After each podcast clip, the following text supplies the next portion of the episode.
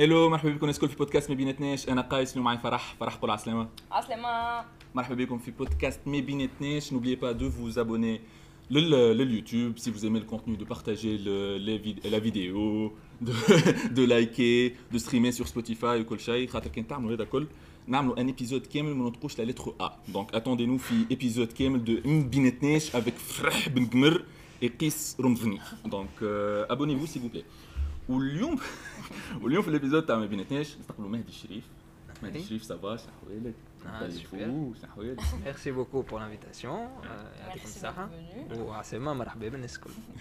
للي ما عرفوش مهدي مهدي آه، ناشط كبير في المجتمع المدني آه، آه، il a rédigé deux livres euh, واحد في 2017 euh, les, les, la- les réflexions d'un d'un élève insoumis Insoumis, c'est ça ou en 2019 euh, GERM euh, ils sont parmi nous C'est il est ça. disponible euh, sur, euh, sur la page euh, Facebook comme tel, vous pouvez aller lire, c'est très agréable à lire. Où euh, il vient aussi de recevoir ses diplômes من عند الفاك 9 avril ou Ouais. l'université La مبروك plus belle Mabrouk. fac. euh, des يعيش diplômes en, ويبارك en فيك. sociologie où, euh, où actuellement Zeda il vient de lancer Zeda le, le projet Fahmologie qu'on va euh, qu'on va présenter بعديك ونحكيو عليه وكذا طيب. mais avant tout ça avant tout ça عملت لك البرزنتاسيون وكل شيء باش نتعداو on va passer aux questions rapides. Donc, c'est des questions rapides. Ah elles sont au bah, nombre de trois. Et elles vont nous aider à un peu mieux te connaître et tout, tu vois. C'est des questions un peu générales. Ça te Ok. va T'es prêt Génial. prêt. Ready Let's go. Ben, Première question.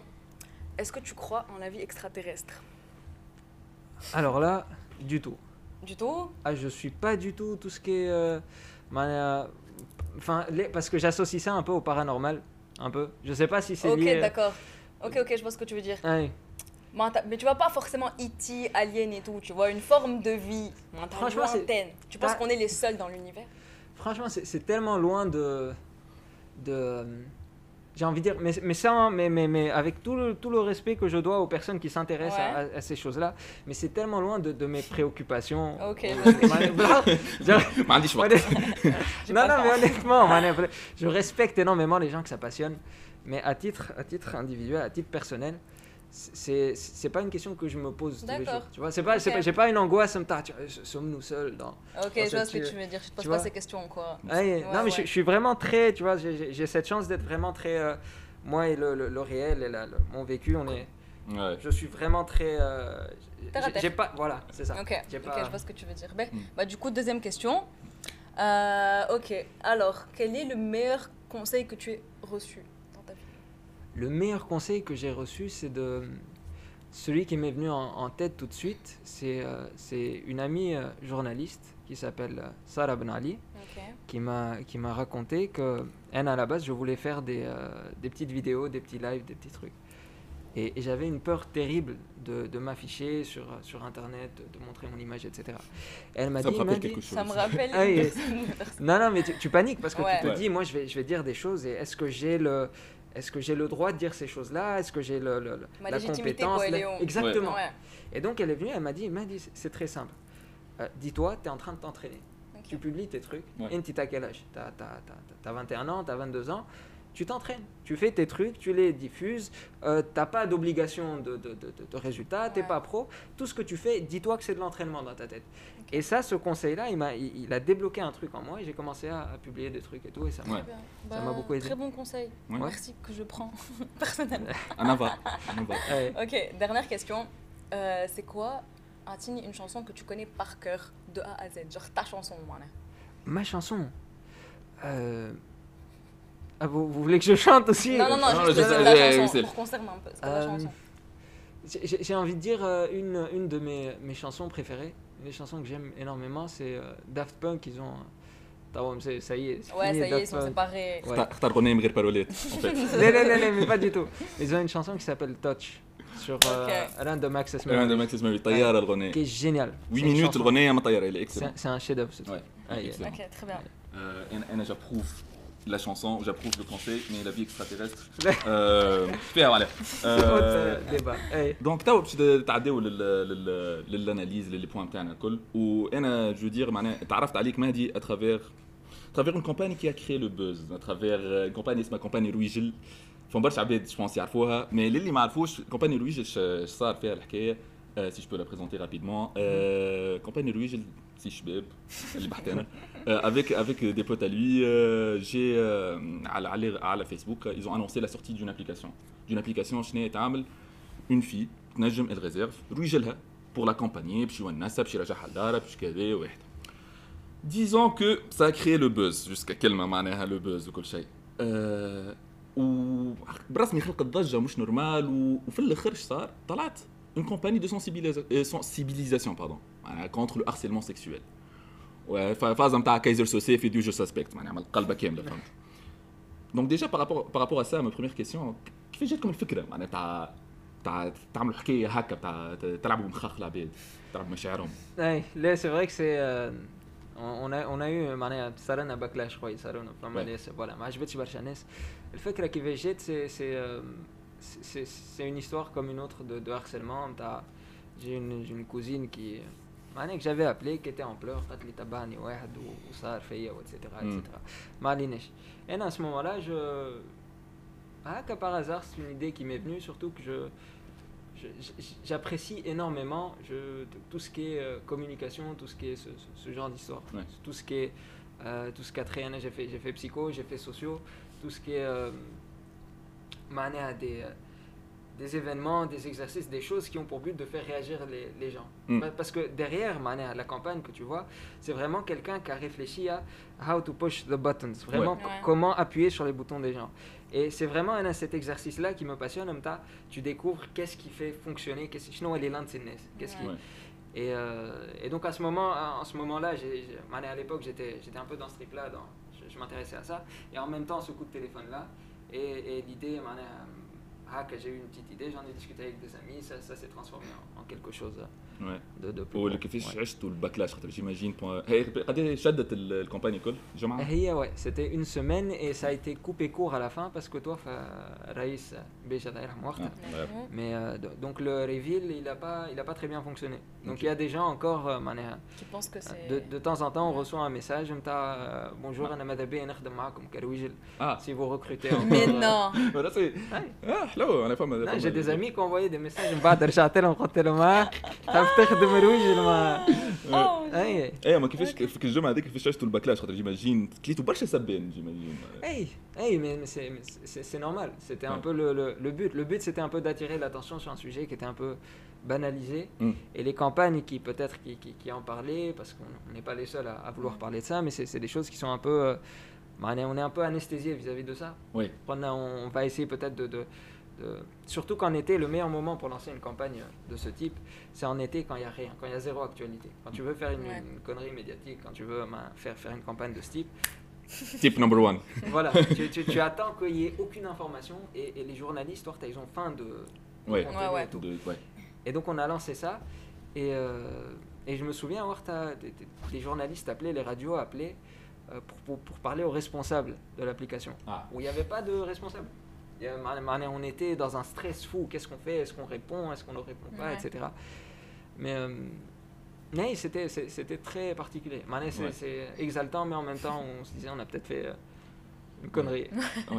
Est-ce, que vraiment, désolé, Nzid, les questions euh, Est-ce que vraiment, tu as la possibilité qu'un label t'ajoute l'application? Ça aurait été pire, je pense, non? On, a eu, on a eu, un, on a eu quelqu'un qui, qui, nous a appelé. Moi, j'ai investi. Ah, carrément. Et vous en faites une vraie application. Ah Allez. Moi, je vous mets l'argent, vous recrutez des, gardes du corps et vous en faites, vous profitez du buzz pour en faire une, une, vraie app. Parce que Warta, en 24 heures, voilà, on, a, fait, on a touché un million de personnes sur Facebook, mm. on a eu la BBC qu'on a ouais, parlé. c'est ça, il y a oui. On a eu. Euh, ouais. hey, donc. Euh, sauf que c'est, ben, c'était pas le but. Quoi. oui. J'aurais pu être Tawa Mané, riche, un truc. Euh, non, non, mais c'est. Euh, c'était une expérience. Mais après ça, après avoir vécu ça, ben, j'ai lu un peu où je me suis informé. Il y a un type euh, qui s'appelle euh, Douglas Rushkoff. Mhm. Douglas Rushkoff, il y a les memetics, les mimes ou la communication. Ouais. Il racontait la manière dont peut-être ce genre de campagne n'était peut-être pas la meilleure manière de, de, changer, ouais, de sensibiliser, de changer les comportements des gens, parce que ça agresse. Et dans la mesure où ça agresse... Euh, le message ne va pas c'est pas forcément le message que tu veux passer qui va Bah, passer, c'est ça De un, ça, et ensuite, bah, les gens se, tu, tu- tu mets les gens sur les nerfs et les campagnes Mm. qui viennent après, les messages positifs qui viennent après, bah, les gens sont plus réceptifs. Ouais. Et à force, tu as une espèce d'escalade du, du, euh, du choc nécessaire pour faire passer un message. Et donc, ah, non, on s'est servi de, de, de- de ça. Mais après, je me dis, euh, c'est discutable en fait. Ma- je me dis, est-ce que c'était une nécessairement la meilleure idée au monde Je sais pas. Ouais. Est-ce que je suis content d'avoir pu évoquer le sujet, d'en avoir fait quelque chose, mais, euh, mais, mais c'est vraiment une réflexion qu'on a eue derrière. M'ta, Si on refait quelque chose de ce type, ce qu'on espère pouvoir faire bientôt, euh, comment est-ce qu'il faut procéder? Ok. Ouais. Ok, ok, ça marche, je vois. Ouais. Euh, donc, t'as, en fait, Kais, euh, Kais, euh, il t'a découvert, entre guillemets, grâce à, à cette, à cette, à cette campagne-là. Ena, c'était pas, c'était, pas, c'était pas comme ça. Ena, c'était... Je suis une fan de TED Talks, la vérité. Ouais. Je regarde à peu près Ouais. 10 par semaine, moi, hein, Ouais. pour être honnête. Je suis une TED Talk girl. et, euh, et du coup, je- à un moment, je me suis intéressée. Je me suis dit, je vais voir s'il y a fait au Sokol. Et je suis tombée sur le tien. Et du coup, euh, dis-moi comment ça s'est passé? Est-ce que Huma ils t'ont contacté? Est-ce que c'était un truc que tu voulais faire? Et donc euh, tu les, tu les as contactés Ça s'est passé comment? euh, bah, J'ai eu la chance euh, d'être contacté par, euh, eux. Euh, je ne sais plus à quel sujet, c'était peut-être euh, le livre que j'avais écrit ou la Mais ils, m'ont contacté ou, finalement quelque chose que les gens peut-être ne, savent pas nécessairement, c'est que le speech, il est généralement, le TEDx. l'événement le speech, je l'avais, répété peut-être une, cinquantaine de fois. Ouais. C'est, vraiment. Moi, je répétais dans le sens euh, répéter seul chez moi. Dans le sens, j'avais eu l'occasion d'assister à d'autres événements d'être invité à d'autres événements pour parler un peu comme quoi de mon expérience, etc. Et l'histoire ADM, les success stories, c'est un autre sujet. Est-ce que c'est une bonne chose? Est-ce que c'est, entre guillemets, success story? Est-ce que c'est quelque chose qui est positif qui, euh, impact positif ou c'est un mm. autre débat. Mais, euh, mais c'est vraiment quelque chose que, que j'ai retravaillé. Et finalement, c'est du théâtre un peu. C'est vraiment une, mise en scène et tout. Et euh, hey, donc c'est euh, ouais, un boulot. Ouais. تولي ليميت تحفظ حتى لي جيست نتاعك بتاع وقتاش Exactement. تضحك وقتاش تغزر لل- لل- للببليك. exactement. Tu Ouais. t'es Et entraîné ça, à 4 devant tes, tes et ça les proches gens, tout. et ça les gens, ça c'est un truc aussi dont, dont que peut-être que les gens réalisent pas. Quand tu entends une, une bonne histoire, quelqu'un Mm. qui te raconte une bonne blague ou une bonne histoire, euh, bah, ça s'improvise pas ce genre de choses. C'est vraiment tu testes et ça foire, et tu testes et ça foire, et tu Ouais. testes et ça foire, et un jour tu, tu finis par comprendre mané, le timing des choses, le et ça c'est vraiment quelque chose que j'ai C'est appris un skill avec, quoi euh, que t'apprends. euh, ça aide. Et, et finalement, t'as pas besoin de, de, de- de connaître 10 000 blagues voilà, pour, pour être intéressant et tout. T'as- mané, si tu as une ou deux bonnes histoires, Ouais.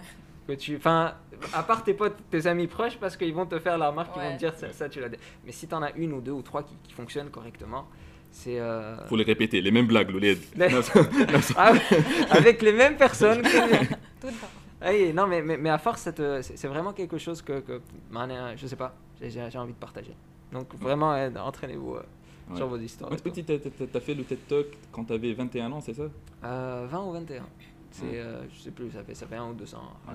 إذا- باش نسألك باش نسألك سؤال معناها سيرمون كي يجيك كيليان امبابي تو نسألو لا ميم كيسيون Ouais. اسكو سا تينيرف معناها العباد يقولوا لك معناها تي تي ان بو جون حتى باش تحكي على ليدوكاسيون باش تكتب كتاب باش tu lances tellement de, de projets, ça t'énerve qu'il avait dit que le Le- vous êtes Bl- Blague, c'est c'est positif. C'est une réaction saine, je trouve. Parce que, il est préférable qu'il y ait cette réaction-là, que je préfère ça au, peut-être... Bon, je préfère ça à Mnarch, à que jeunisme excessif. Parce que quelqu'un est jeune, nécessairement ce qu'il a à dire va être, va être intéressant. Les diplômes, les diplômes existent pour une raison donnée, parce qu'il parce qu'il mm. faut valider les compétences. Où il faut s'assurer que il faut s'assurer qu'il raconte pas n'importe quoi. Euh, d'un autre côté, j'ai peut-être cette folie ou j'ai cette euh, irrationalité de, de, penser que ce que je raconte, je raconte pas n'importe quoi. Ouais. Il faut l'avoir. Après, il faut que tu sois convaincu par ce que tu dis pour, euh, pour avoir mental, le courage d'aller, par exemple, sur un TED Talk. Tu vois, il faut que tu sois un minimum convaincu de ce que tu dis. Mais j'ai eu la chance après de confirmer hein, ce que je raconte, par exemple, sur l'éducation. Hmm. Euh, j'ai eu l'occasion, j'ai eu l'occasion d'aller au, WISE, des sommets, international de l'éducation, okay. et j'ai pu discuter avec des professeurs, avec des chercheurs, avec des gens, vraiment débattre de ça. Au Kimchit Radi, ça, ça a vraiment été euh, euh, extraordinaire comme expérience pour moi parce que je me suis rendu compte, Zah, je suis pas fou. Je- tu vois, je, je, je Ouais. raconte pas. Oui, Hey, là, mais- Yes, مش- je suis yes, pas fou. je suis pas vous parce que parce que حكيت مع ناس يفهموا شويه في ال- في ال- معناها في l'éducation, في les, les, les politiques publiques d'éducation, etc. Et euh, je me suis rendu compte que finalement, est ce que je fais tout seul à mon niveau, mes, petites recherches de, de, de qui, avec, avec un, un, carnet de notes, le, Ouais. le PC ou Radi, ça a du sens. Ça, Ouais. ça وصلتني الحاجة. Ouais, ouais, c'est sûr, اللي تتفرهد كي تلقى عباد كيفك وكي بارتاج لي ميم امبيسيون واللي- وتفيق اللي مم. اللي تو- تو سي معناها سي- كان مشيت غادي ولقيت روحي خارج على الطرح جمله لقيت روحي كومبليتمون اوت مم. معناها j'aurais été j'aurais arrêté de parler de Sûr. Euh, tu vois mais mais euh, mais qui me chie et j'ai pu vraiment discuter et confronter mes idées je me suis dit bah, ça tient la route Ouais. et, euh, et voilà mais, mais pour la réaction des gens je trouve que c'est normal.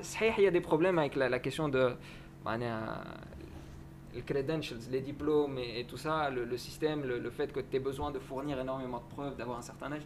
J'ai des problèmes avec ça. Mais de l'autre côté, je ne suis pas partisan du fait que hey, ouais, il ne faut pas le remettre en cause, il ne faut pas le, critiquer, etc. Bah, c'est ça, c'est ça. Ouais, il y en a pour tout le monde, en fait, même ces personnes. Euh, bon, on a parlé de l'éducation, juste pour que les gens أنا لو سول في ال- في الصالة هذه اللي يقرأ يقرأ ايكول تونيزيان وأنتم تسقيتوا ايكول فرونسيز والله جو سوي رافي نقول لكم اللي فوز ات تري سامبا معناها فو نيت با دي سنوب معناها كيما لي كليشي يقولوا.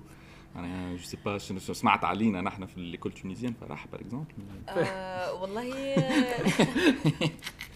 Non, mais je comprends un peu ce cliché que, que les, les, gens de l'école française ils sont un peu snobs. Après, soyons honnêtes, il Mm. y en a un peu, on va pas se le cacher. Mais en il y a un peu, tu vois, de, de ça, de, de peut-être encore plus dans les générations Kol. Mais il y a un peu, je sais pas si c'est du snobisme, mais il y a un peu de. Je, je comprends. en fait, je comprends, tu vois. Mais il- Tu vois ce que je veux dire ou pas? Oui, mais parce que, parce que après, factuellement, il y a une différence au niveau des, des publics Au niveau Des quoi معناها de la classe sociale des Ah, oui. publics. des Oui, c'est différentes- ça. معناها, euh, où- où femmes a des, des, des, euh, des manières de se comporter, des manières d'agir, des manières de parler, Ouais. euh, des, معناها des- des bourgeois et grands bourgeois, etc., qui, qui, qui sont ex- exclusives dans une Ouais. certaine mesure, qui, qui, Ouais. qui, qui peuvent être معناها repoussantes pour les autres. وأنا, Ouais. étant donné أنا توا قريت في الليسي قريت في, ال- في اليسي Ouais. اللي هو سان ليسي avec معناها un public très bourgeois etc. Mm. وقاري في الفاك في التسعة افريل qui est une fac avec un, public qui est une classe euh, moyenne ou la NES parce que femme a une corrélation qui tourne entre l'NGH le bac ou les oui. ou, euh, ou ton niveau euh, ton niveau matériel financier ta, classe sociale. Les c'est pas du tout les mêmes personnes les lycée ouais, ouais. c'est sûr et, vraiment cette expérience là j'ai pu comparer et je me rends compte que il y a des choses qui sont faites ou voilà, des, des comportements ou voilà, des mots ou voilà, des phrases que disent un peu les gens, à les Lebesalion, hein, qui, sans, sans méchanceté, mais qui sont qui peuvent être très désagréables ouais. C'est aussi le fait qu'on vit dans une bulle depuis que depuis que tu es jeune, euh, le bac. En fait, tu vis dans une bulle, tu tu il y, a deux trois quatre lycées, tu vois les mêmes personnes même qui tu tu tu, tu de, de, la maternelle au lycée, c'est les mêmes personnes, tu vois, c'est une certaine bulle. Et après quand tu te défais un peu de cette bulle, tu te rends compte de ton comportement. Sinon, quand tu es dedans, tu vois pas forcément... euh, Exactement. Et, mais, mais vice versa, Zeda, parce que, parce que femme Zeda, clé métrale, ce qui est plus connu, hein, ce qu'on connaît plus qu'à Touen, ça c'est euh, c'est- c'est femme كلمة كلمة gar. Ouais. Ouais. Tu vois, ça, qu'est-ce Jabri. que très concrètement جبري زاد معناتها و- صحيح Ouais. مثلا ولا فرير ولا كلمة مم. هذوما هذوما كلمات نتاع فيهم محقرانية فيها فيهم Ouais. نوع من de, la même manière que Hope, je crois que tu snob, ouais, ou exactement. ou ouais. tu en retour, mm. vis-à-vis des comportements de qui, qui vont pas te plaire nécessairement. Oh, ouais, sur la ligue. Ouais. Se jeter la pierre à chaque fois, tu vois. Enfin, c'est. Euh, hey, c'est un peu comme ça. C'est farq, les habitudes, entre guillemets, la manière de se comporter, de penser, etc. بون تو تو باش نقصوا على الموضوع الاناليز نتاعنا باش نعديو للروبريك نتاعنا نتاع نوتر شير كرونيكور نوتر شير كرونيكور امان امان امان تاتارارارا امان امان تاتاراتا يجي يقول يجي امان امان تاتا الاغنيه باش تكمل امان امان تاتاراتا امان امان تاتارارارا تاتاراتا استغفر الله العظيم Bonjour tout le monde, comment ça va Ah, مرحبا. Oubik, Oubik, Aïch, que ça va Zid de. Bon, tout d'abord, il y a une petite euh, chose que je tiens à dire, c'est que voilà, c'est qui l'intrus Le petit pull blanc. Hein, merci. Ah. Oubik et Norze, comme une razel. C'est sympa. Alors aujourd'hui, je suis venu vous annoncer que je sais pertinemment combien il y a de lois spirituelles pour atteindre le succès. Est-ce que vous savez combien de lois existent? 7. 3 Tu- tu- bah, J'ai exprimé ma position par rapport aux, Ouais. extraterrestres. on, est, ouais, on est sur le même registre. vas-y, vas-y. D'accord. Euh, Alors, il y en a sept. Parce que voilà, Anna Farah, on a lu le même livre, malheureusement. Ah. En gros, selon Deepak Chopra, un penseur spécialisé sur les thèmes de la spiritualité et de la médecine alternative, il y en a sept. Alors, la loi de la pure potentialité, du don, du karma, du moindre effort, l'intention et le désir, le détachement et la loi du dharma. Alors, on est tous d'accord que voilà, c'est du bullshit. C'est- Voilà. Hey, ouf, Voilà, t'inquiète. hey. C'est du bullshit et j'y crois pas du tout. Mais après un petit moment de réflexion, je me suis dit, tiens, je vais peut-être Vérifions. vérifiant, voilà, c'était typiquement ça. Et après, du coup, il fallait confronter ces lois à la notion de succès. Et qui dit notion de succès bah, On va parler de Lewis Hamilton. Tu, vois tu connais Lewis Hamilton? Formule 1, ouais. Voilà, sept fois champion du monde, euh, nombre de poleman, euh, fortune monstrueuse, euh, militant actif pour des causes de le racisme, les discriminations des minorités, le réchauffement climatique. Un Mais- bon gars, quoi. Ouais, ouais, c'est un bon gars, gars. il est sympa, il est assez beau. Il est même sorti avec Nicole Scherzinger. Ah, c'est oui. pas- ouais, c'est ajouté dans la liste de succès quand même. c'est ouais. pas rien. C'est pas Ouais. rien. Ouais, mais après, c'est ma chronique, donc tu me coupes pas. On rigole. Seul. Du coup, la question que je me suis posée, c'est est-ce que Lewis Hamilton connaît et applique les sept lois spirituelles du succès? Et Après maintes reprises d'entrer en contact avec Lewis Hamilton, et malgré ses quelques 23,4 millions de followers, bah, il m'a pas répondu. Parce que, monsieur, parce que voilà, vous savez qu'il a le titre de sœur. Ouais, le- ouais. Ah, Sir Lewis Hamilton. Ouais, oui, c'est devenu seul Lewis Hamilton. Price aussi. Du coup, Euh, prochainement. Merci de me couper, encore une fois. Voilà. Du coup, étant parfaitement conscient de ce qui se passe dans sa vie, je suis au courant de tout. Et voulant à tout prix euh, ne pas passer pour un stalker, parce que voilà, enfin, 5 messages par jour, c'est, et pas de réponse, c'est abusé quand même. Je me suis dit, tiens, on va, je vais réfléchir tout seul et on va voir s'il applique bien les 7 règles du succès. Et dans la mesure où il ne les applique pas, je devais le contacter pour le prévenir. Bien sûr. Voilà, parce Ouais. qu'un huitième titre, c'est obligé. Absolument. Voilà, merci Lewis. voilà. Donc en effet, Lewis Hamilton ne s'est jamais considéré comme étant un pilote de Formule 1 uniquement. Il a toujours voulu faire de la musique. Il en fait d'ailleurs maintenant. Il veut faire du cinéma. Du coup, là, la loi de pure potentialité est validée. Voilà, la première loi. La deuxième loi. Du coup, alors Lewis Hamilton est dans une optique de pure abondance. En fait, là, actuellement, il est en train énormément de bosser pour qu'il y ait énormément de, euh, qu'il y ait plus de représentation dans les sports automobiles. Voilà. Donc, euh, est-ce que ça va l'aider pour avoir un huitième titre? Non, je pense pas. Mais il le fait parce que ce sont vraiment des causes. Il est plus dans cette optique dedans. Donc, voilà, la loi du don est validée. Lewis Hamilton est une personne totalement consciente de son présent. On peut le remarquer au nombre de fois il se dit grateful de ce qu'il vit. Tu vois? Et d'après Deepak Chopra, c'est ainsi que nous pourrons préparer au mieux le futur. Être grateful de ton présent, tu prépares ton futur. Voilà. Du coup, la loi du karma est validée. Lewis Hamilton ne se rebelle jamais. Même s'il a perdu une course à cause de son équipe ou d'une autre personne, il est toujours dans l'acceptation et assume la responsabilité de sa situation. Du coup, la loi du moindre effort est validée. La loi de l'intention et du désir stipule que, je cite, en ouvre un, lorsque nous introduisons une intention de le sol dans le sol fertile de la pure potentialité, nous faisons travailler pour nous ce pouvoir d'organisation infini. Je ferme le parenthèse. Ouais, magnifique. La loi de l'intention et du désir est validée puisque Lewis Hamilton est le pilote qui a le plus de chance au monde. Il a énormément de chance. Oui. Oui. mais euh, même si euh, on est 30 Tunisien, regardez la Formule 1, mais c'est pas grave. Du coup, euh, à ma grande déception, je peux pas continuer avec les autres lois parce que Qais et Farah m'ont donné que 5 minutes. voilà. Cela dit, grâce à. 5 minutes et il me coupe à chaque fois. Voilà. Donc, cela dit, grâce à Deepak Chopra, je peux certifier que je connais les 7 lois du succès et c'est pas des mythos, hein. enfin, c'est vrai, c'est pas des bobards. Mais non, je les utilise toujours pas en fait. Et me demandez pas pourquoi, parce que j'ai pas envie. En fait, c'est tout. Et voilà, vous savez ce qu'il faut faire pour trouver le succès. Quant à moi, bah, je trouverai certainement une autre manière. Hein. Voilà. merci. Amen, amen. Euh, merci, merci, merci. Merci, amen. Prochaine chronique, je vous, vous dire comment draguer des femmes âgées. J'ai hâte. Et, euh, je suis venu trop tôt. je suis. euh, Euh, euh, Qu'est-ce que t'en pensais انت من اللي قالوا notre cher امان Alors, euh, hon- honnêtement, فما فما حاجتين que je dirais. الحاجة الأولى فما des choses qu'on appelle des Barnum statements. Et il y, a un- il y a un psychologue qui s'appelle Bartmo- Ba- Barnum, un chercheur, hein, qui a parlé de ces. euh, C'est fini. آه، سامحني إيه، امان نو سينيال اللي حاب يحكي عليها Amy, c'est fini, c'est fini là. Tes Laisse- cinq minutes, c'est ça, c'est ça. C'est ce qu'utilisé par, par l'astrologie. C'est, c'est pas exactement ce dont il s'agit ici, mais, mais comme, comme le sait euh, très bien Emen, Marnès, c'est, des assertions qui sont très vagues, qui peuvent s'appliquer à énormément de, de choses. Et, et souvent, je trouve qu'il y a, il y a un peu de ça dans, dans tout ce qui est self-help de manière générale, Mm. tout ce qui n'est pas informé par, par, par des études, par des recherches, etc. C'est ça. Au-delà de ça, par, par des sciences expérimentales, au-delà de ça, euh, il y a aussi le fait que Psifaham, self-help, il a tendance à, à, faire croire aux gens que leur succès ou leur échec est lié à leur, à leur individu et à leurs actions individuelles, euh, et à, de ce fait leur faire oublier que le contexte dans lequel tu t'insères, ouais. l'environnement, les gens qui sont autour de toi, le système, les lois, les relations de pouvoir, etc.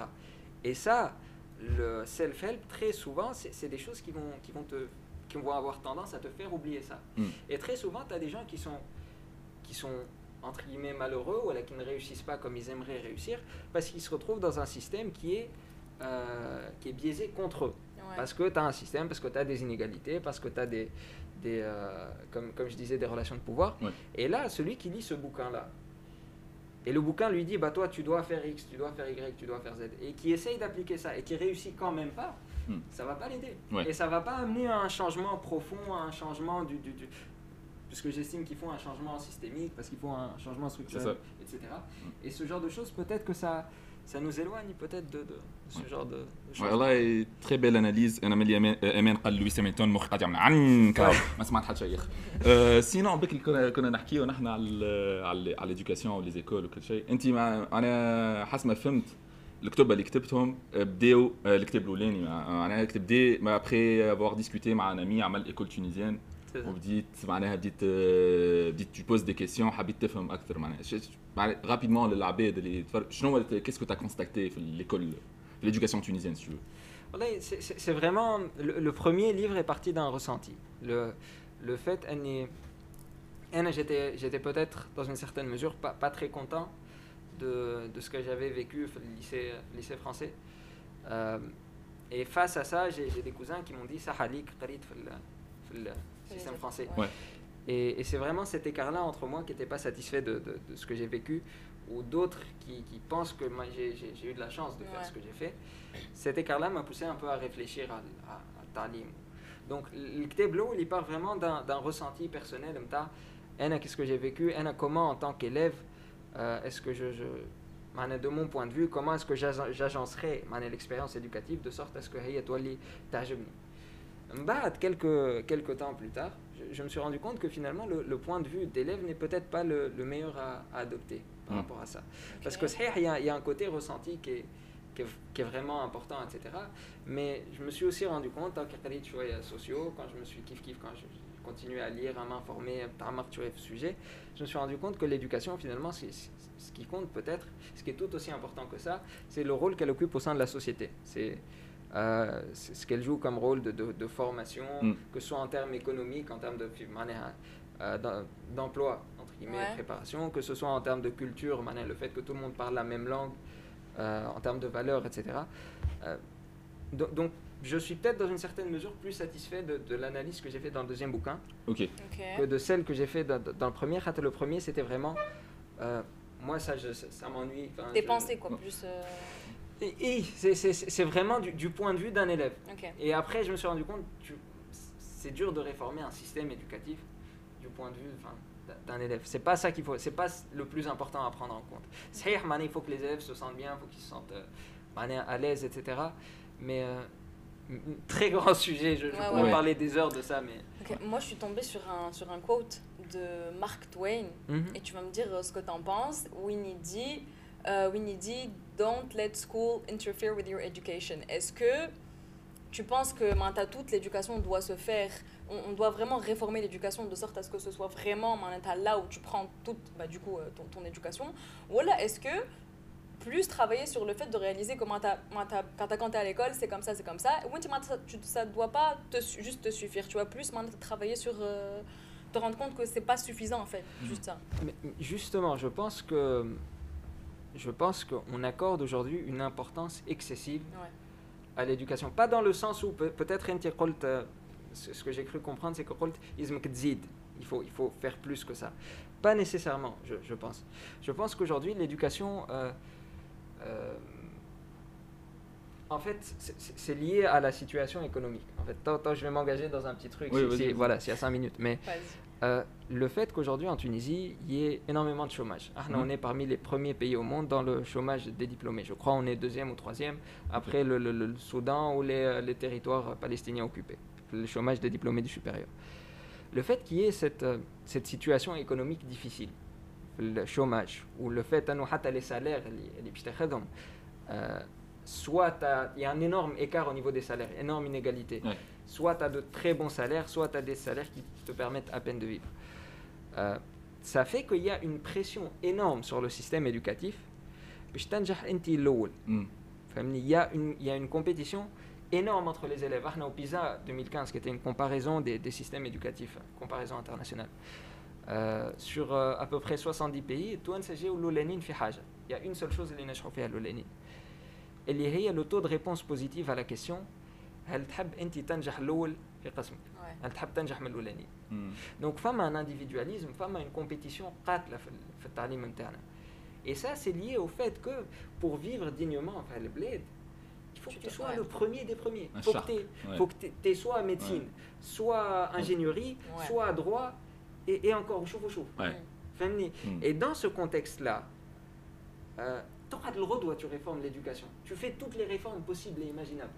Si derrière, tu n'as pas l'économie, tu n'as pas, pas la sécurité sociale, tu n'as pas l'emploi, le, tu n'as pas quelque chose qui permet aux gens de vivre dignement, même s'il n'est pas tout premier de chez les premiers, de chez les premiers de sa classe. Si tu n'as pas ça, le, contexte derrière, la réforme de l'éducation, qu'est-ce que ça vaut?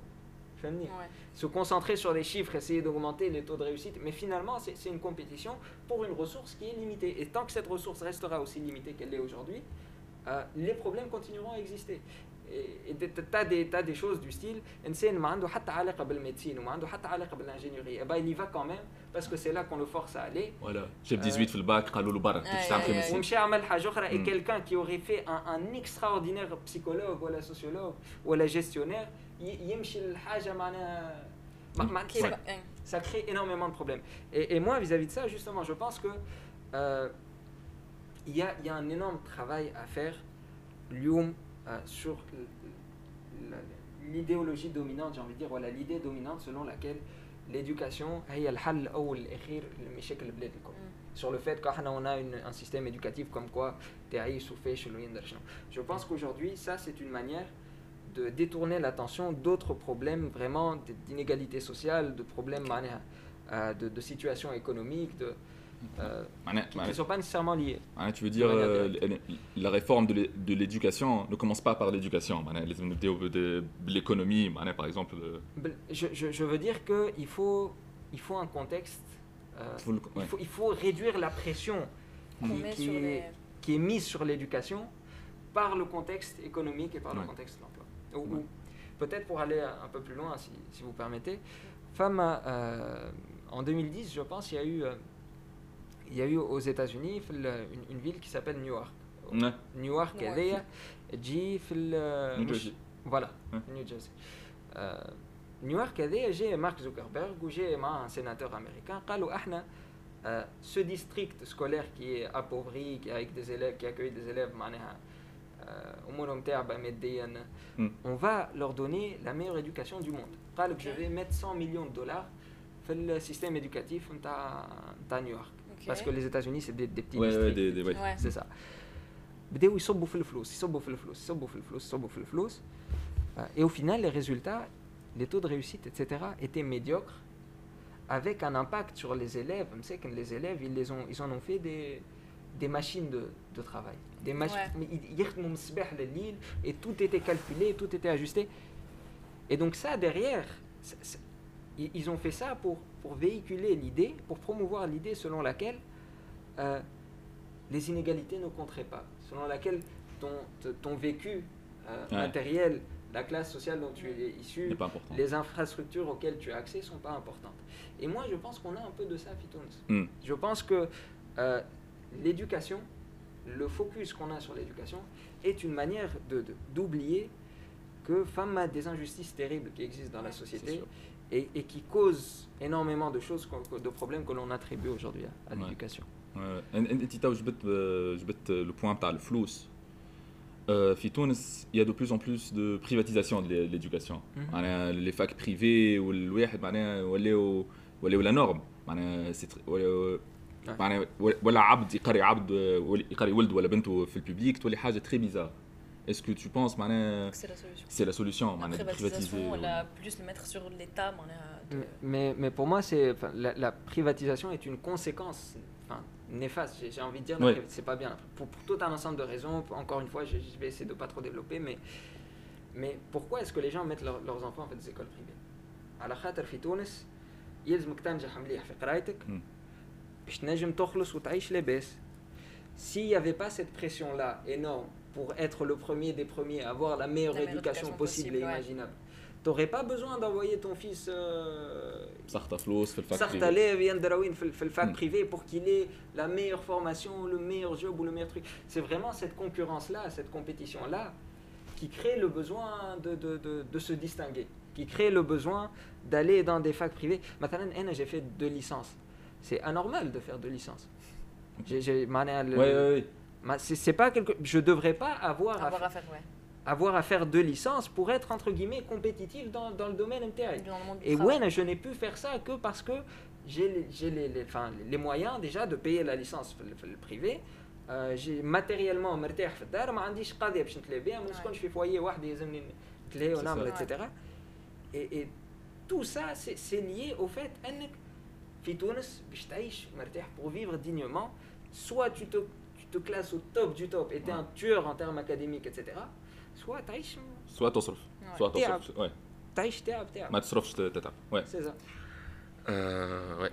Euh, ok. Bah, où est-ce que tu C'est un veux sujet très passionnant. C'est- Ouais, il est. بالحق. Ah mais Euh, je, je, je passerai des heures à c'est c'est c'est Ouais. ça, vraiment mon Ouais. c'est mon Oui. kiff. وفين ترى الفيتور دو ليدوكاسيون تاع تونس معناها اسكو تو بونس ونجم نقعدوا نحكيو على لي ريفورم وكل شيء مي في تونس معناها كل عام عندنا وزير كل عام Ouais. ريفورم Peut-être معناها plus est-ce que tu- concrètement, Fitounos, par quoi Euh, commencer peut-être On a on a une moyenne depuis euh, depuis le- la, la- la création euh, du, du ministère de l'éducation en 58. Ouais. On a eu une moyenne de de il y a un ministre tous les deux ans.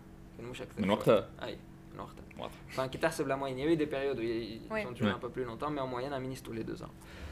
Euh, le futur de l'éducation في تونس أنا encore une fois راه في أنه on s'occupe d'autre chose que l'éducation stricto sensu. D'accord. L'éducation, c'est important. Il y a des réformes à faire. Maintenant, il y a tout un ensemble d'autres secteurs au niveau euh, de, de- des moyens matériels des familles, euh, au niveau des médias, au niveau de l'aspect culturel. أنك في تونس la- la radio شكون يسمع في الإذاعة الثقافية ودايوغ هذاك جبنا نحكي الفامولوجيا ce que je- ce que je fais en ce moment Ouais. mais mais شكون يسمع الإذاعة الثقافية معني alors qu'à l'étranger t'as- t'as- en France T'as France 5 qui diffuse des, des documentaires Collio, mais Arte, Zed. Arte qui, qui, qui fait Arte la nuit. Les documentaires, t'as Arte. Ah Arte la, nuit. La, nuit c'est spécial. mais la journée, quand même ils font un travail énorme qui ne relève pas justement de l'éducation mm. euh, en termes purement académiques. Et, ça, c'est hyper important parce que ce que tu apprends, le madrasa, ce qui est, ce qui est uniquement euh, productif, ce qui est uniquement utile, des compétences, etc., Bah, c'est pas tout, c'est pas, c'est Ouais. pas seulement. Et d'où d'où la, la, la, la citation que tu as اللي هي معناها don't let uh, s- schooling Interfere impede with your education. voilà, interfere with your education, parce que l'éducation, c'est c'est autre chose, c'est beaucoup Ouais. plus vaste, c'est beaucoup plus large.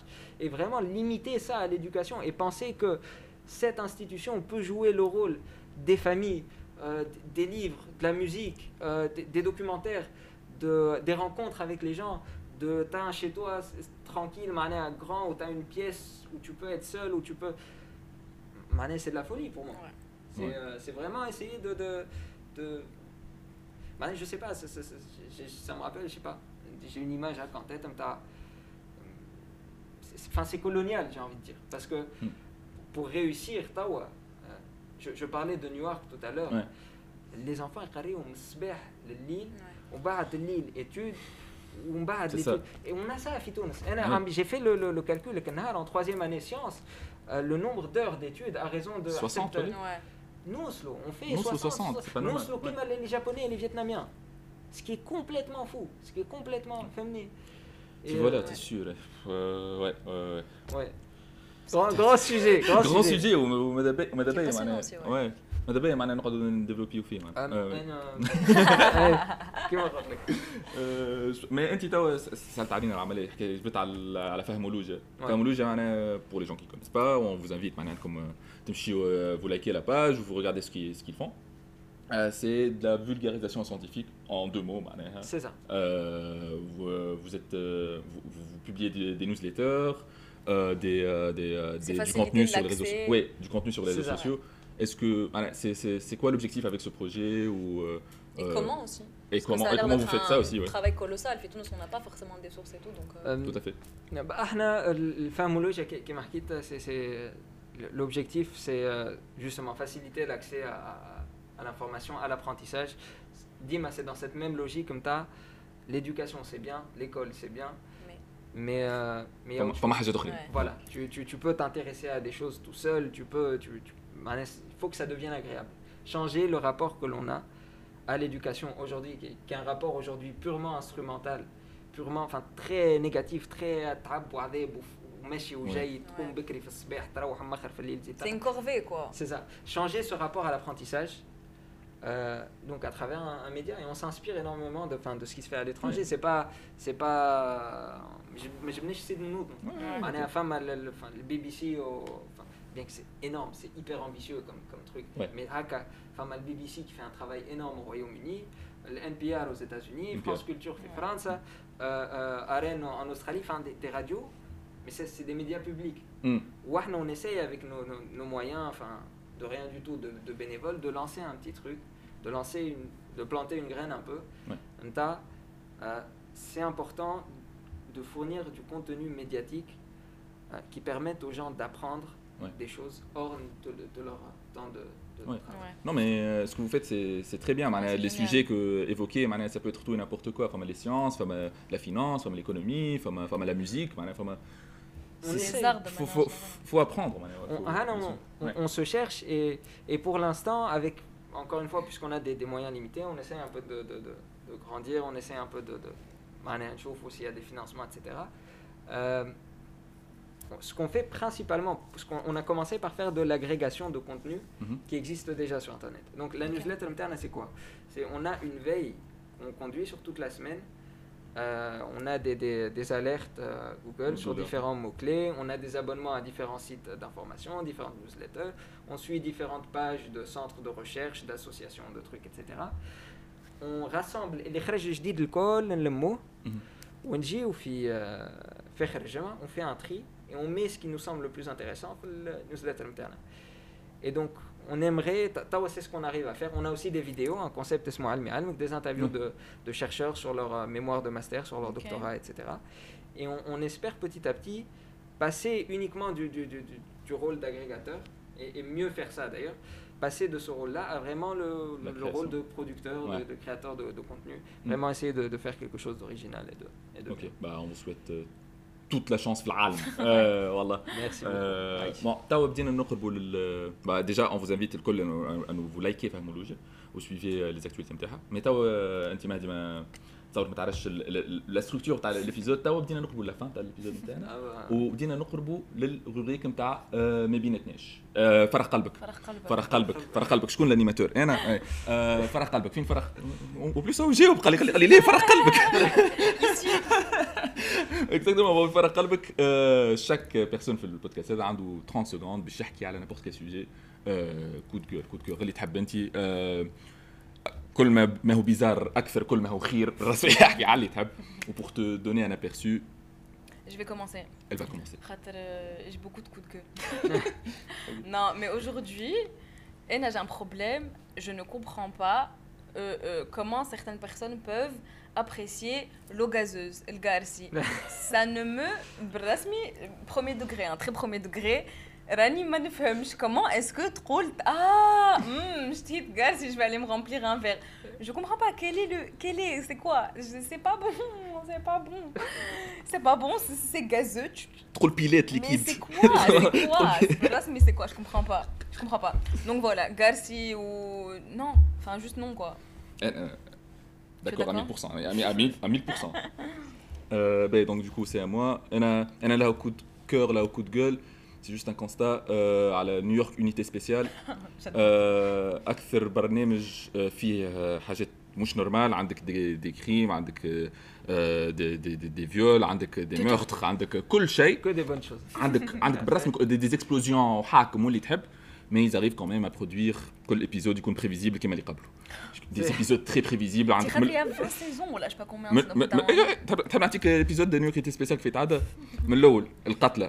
تونتون بعديك تونتون سوسبي لو- سوسبي الأول ماهوش هو. سوسبي الثاني ممكن هو. سوسبي الثالث ممكن هو. سوسبي الرابع هو باش يقول لك اسكو سيتي لو 2 ولا لو 3 بعديك يمشيو يشدوه. الحاكم الراجل يبزنس على الحاكم المرأة. تونتون في الإبيزود. mais ça marche, Raïs. لا لا لا هذيك عليه سا مارش هذيك هذاك اللي قلت لك لا هو كود كور كود كور لا لا كود كور لا كود كور دونك Voilà, New York unité spéciale. Euh, c'est à toi. Très beau coup de gueule. coup de gueule. Allez. Euh, j'aimerais regarder la, caméra. Avec Aradi.